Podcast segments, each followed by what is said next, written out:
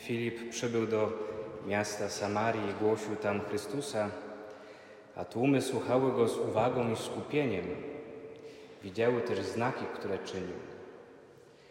Kolejne czytanie z dziejów apostolskich o pierwotnym kościele, o chrześcijanach pierwszego wieku, którzy mężnie szli i głosili Ewangelię. I może nam się wydawać to takie bardzo sielankowe, dlatego warto przypomnieć sobie szerszy kontekst. Jak Filip trafił do tej Samarii, bo nie pojechał tam dlatego, że chciał. Zmusiła go do tego konieczność. Kiedy apostołowie wybrali siedmiu diakonów, wybrali ich do tego, aby stanowili dla nich istotną pomoc, żeby oni mogli się zająć tym, do czego czuli się w pierwszej kolejności powołani, bo spraw i zajęć, powiedzielibyśmy dzisiaj, duszpasterskich było tak wiele, że zaczynali się w tym wszystkim rozpraszać. Powołują siedmiu. I tych siedmiu pomaga, czyni miłosierdzie, wspomaga ubogich. Przychodzi jednak taki moment, kiedy ten Kościół doznaje mocnego prześladowania.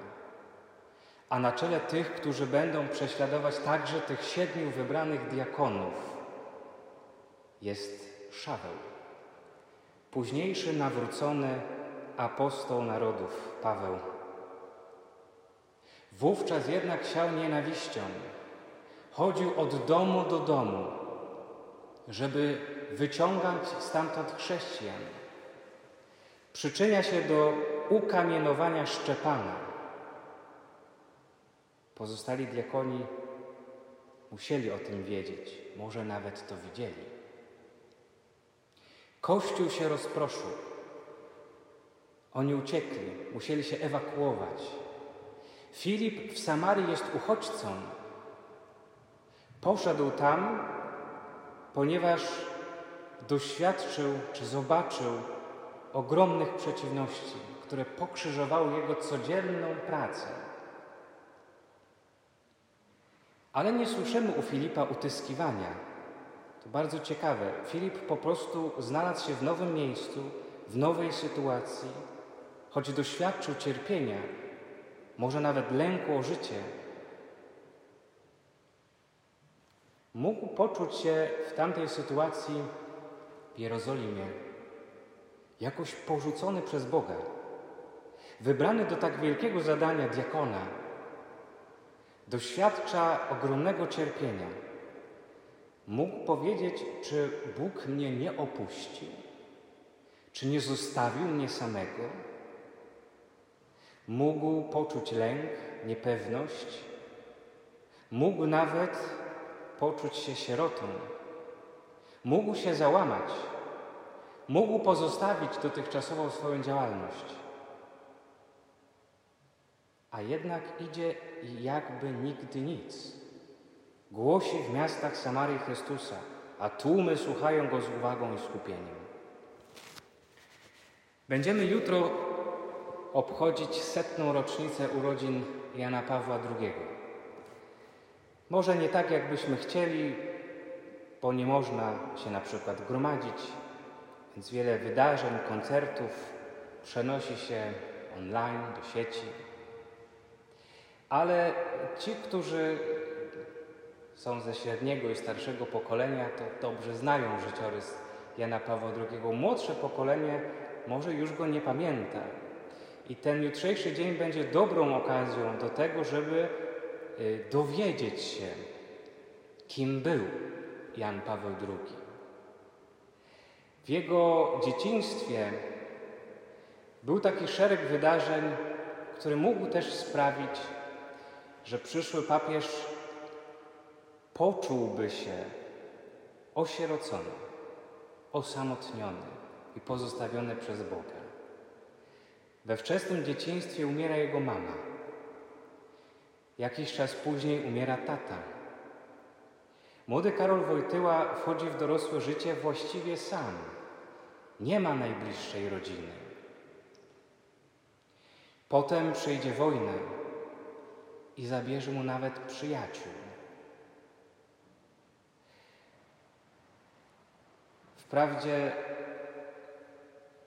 większość, czy całe moje życie, y, odkąd się urodziłem aż do śmierci papieża, to jest większość mojego życia, to właśnie on był papieżem.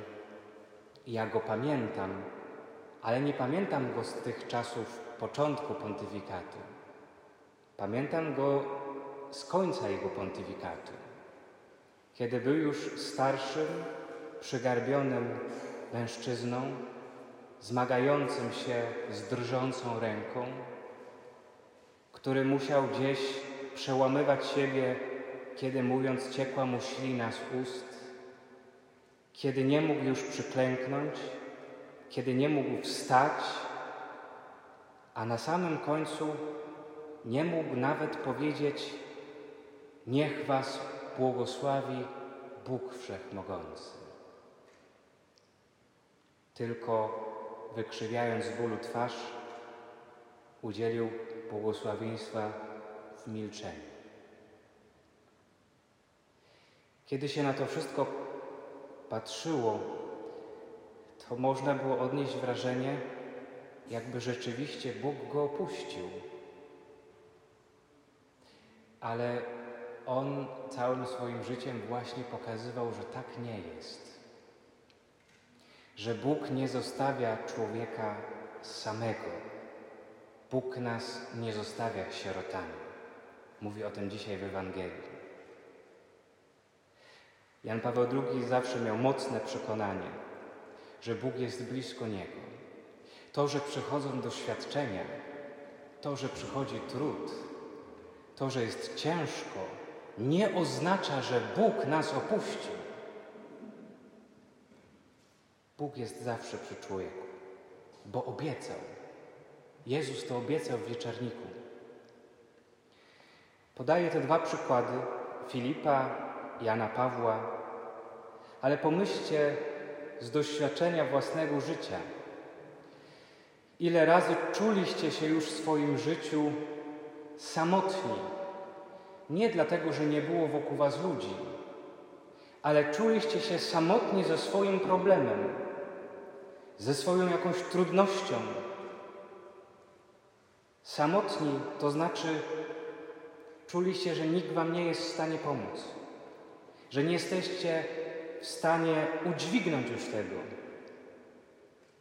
Takie poczucie bycia sierotą. Jezus już w wieczorniku, kiedy wie, że za chwilę dozna naprawdę opuszczenia. Wszyscy go opuszczą. Kiedy żegna się ze swoimi uczniami, mówi: Nie zostawię was sierotami. Będzie się za chwilę modlił też za tych uczniów, to znaczy także za nas. Już wtedy modli się, żebyśmy walczyli o wspólnotę, to znaczy o jedność między nami. I żebyśmy walczyli o miłość między nami. On już wtedy wie, że to będzie bardzo trudne. Dlatego się modli, wstawia za nami. Kiedy przychodzi taki trud, przypominajcie sobie o tym, że Jezus już wtedy modlił się za mnie, bo wiedział, że przyjdzie w moim życiu taki moment, kiedy poczuję się sierotą, poczuję się sam, pozostawiony sobie, poczuję, że nie ma znikąd wsparcia, poczuję, że nie widzę nadziei, poczuję, że paraliżuje mnie lęk. On już się za mnie wtedy modlił żebym pamiętał, że On jest przy mnie przez Ducha Świętego. Paraklet, którego nam dzisiaj zapowiada, kiedyś w tłumaczeniu mówiono o Duchu Pocieszycielu. W tych nowszych tłumaczeniach powrócono do tego oryginalnego greckiego określenia paraklet. Dlatego, że to słowo oznacza pewną misję, pewną funkcję. Paraklet to ktoś, kto broni, kto się wstawia. kto przynosi nadzieję i pocieszenie. Duch pocieszyciel trochę było zawężające, bo to nie tylko chodzi o pocieszenie, ale chodzi także o umocnienie, o towarzyszenie. Jezus nam mówi, że właśnie Duch Święty jest tym, przez którego On razem z Ojcem, Bóg w Trójcy Jedyny, jest z człowiekiem. Dlatego nie jesteśmy sierotami. Bóg w różnych doświadczeniach naszego życia jest z nami. Może szczególnie właśnie jest w tych doświadczeniach trudnych. Jeśli Bóg, Jezus modlił się też w wieczerniku właśnie za wspólnotę, aby się wzajemnie miłowała i aby stanowiła jedno, to nam też podpowiada od razu, że Duch działa właśnie przez wspólnotę. Dlatego, kiedy się gromadzimy jako Kościół, to tym bardziej powinniśmy mieć to poczucie, że nie jesteśmy nigdy sami. Bóg nie założył Kościoła po to, żeby mieć organizację liczebną. Bóg chciał Kościoła po to, żebyśmy w tym Kościele doświadczyli wspólnoty, wsparcia, jedności, miłości, pokoju, radości. I żebyśmy przez ten Kościół uzyskali życie wieczne. To właśnie tu, w Kościele, działa Duch Święty. Działa także przez nas, w tej wspólnocie. Chciałbym, żebyście wychodząc dzisiaj z tego Kościoła, nabrali mocnego przekonania, że cokolwiek w naszym życiu by się nie działo, cokolwiek się nie wydarzy, cokolwiek nie przyjdzie, nie jestem z tym nigdy sam. Bóg nigdy nie odstępuje ode mnie. Wspólnota Kościoła jest do mojej dyspozycji, żeby mnie wspierać. Bóg nie zostawia mnie sierotą. Może warto raczej dzisiaj postawić odwrotnie to zdanie, jako pytanie: czy ja nie osieracam Boga?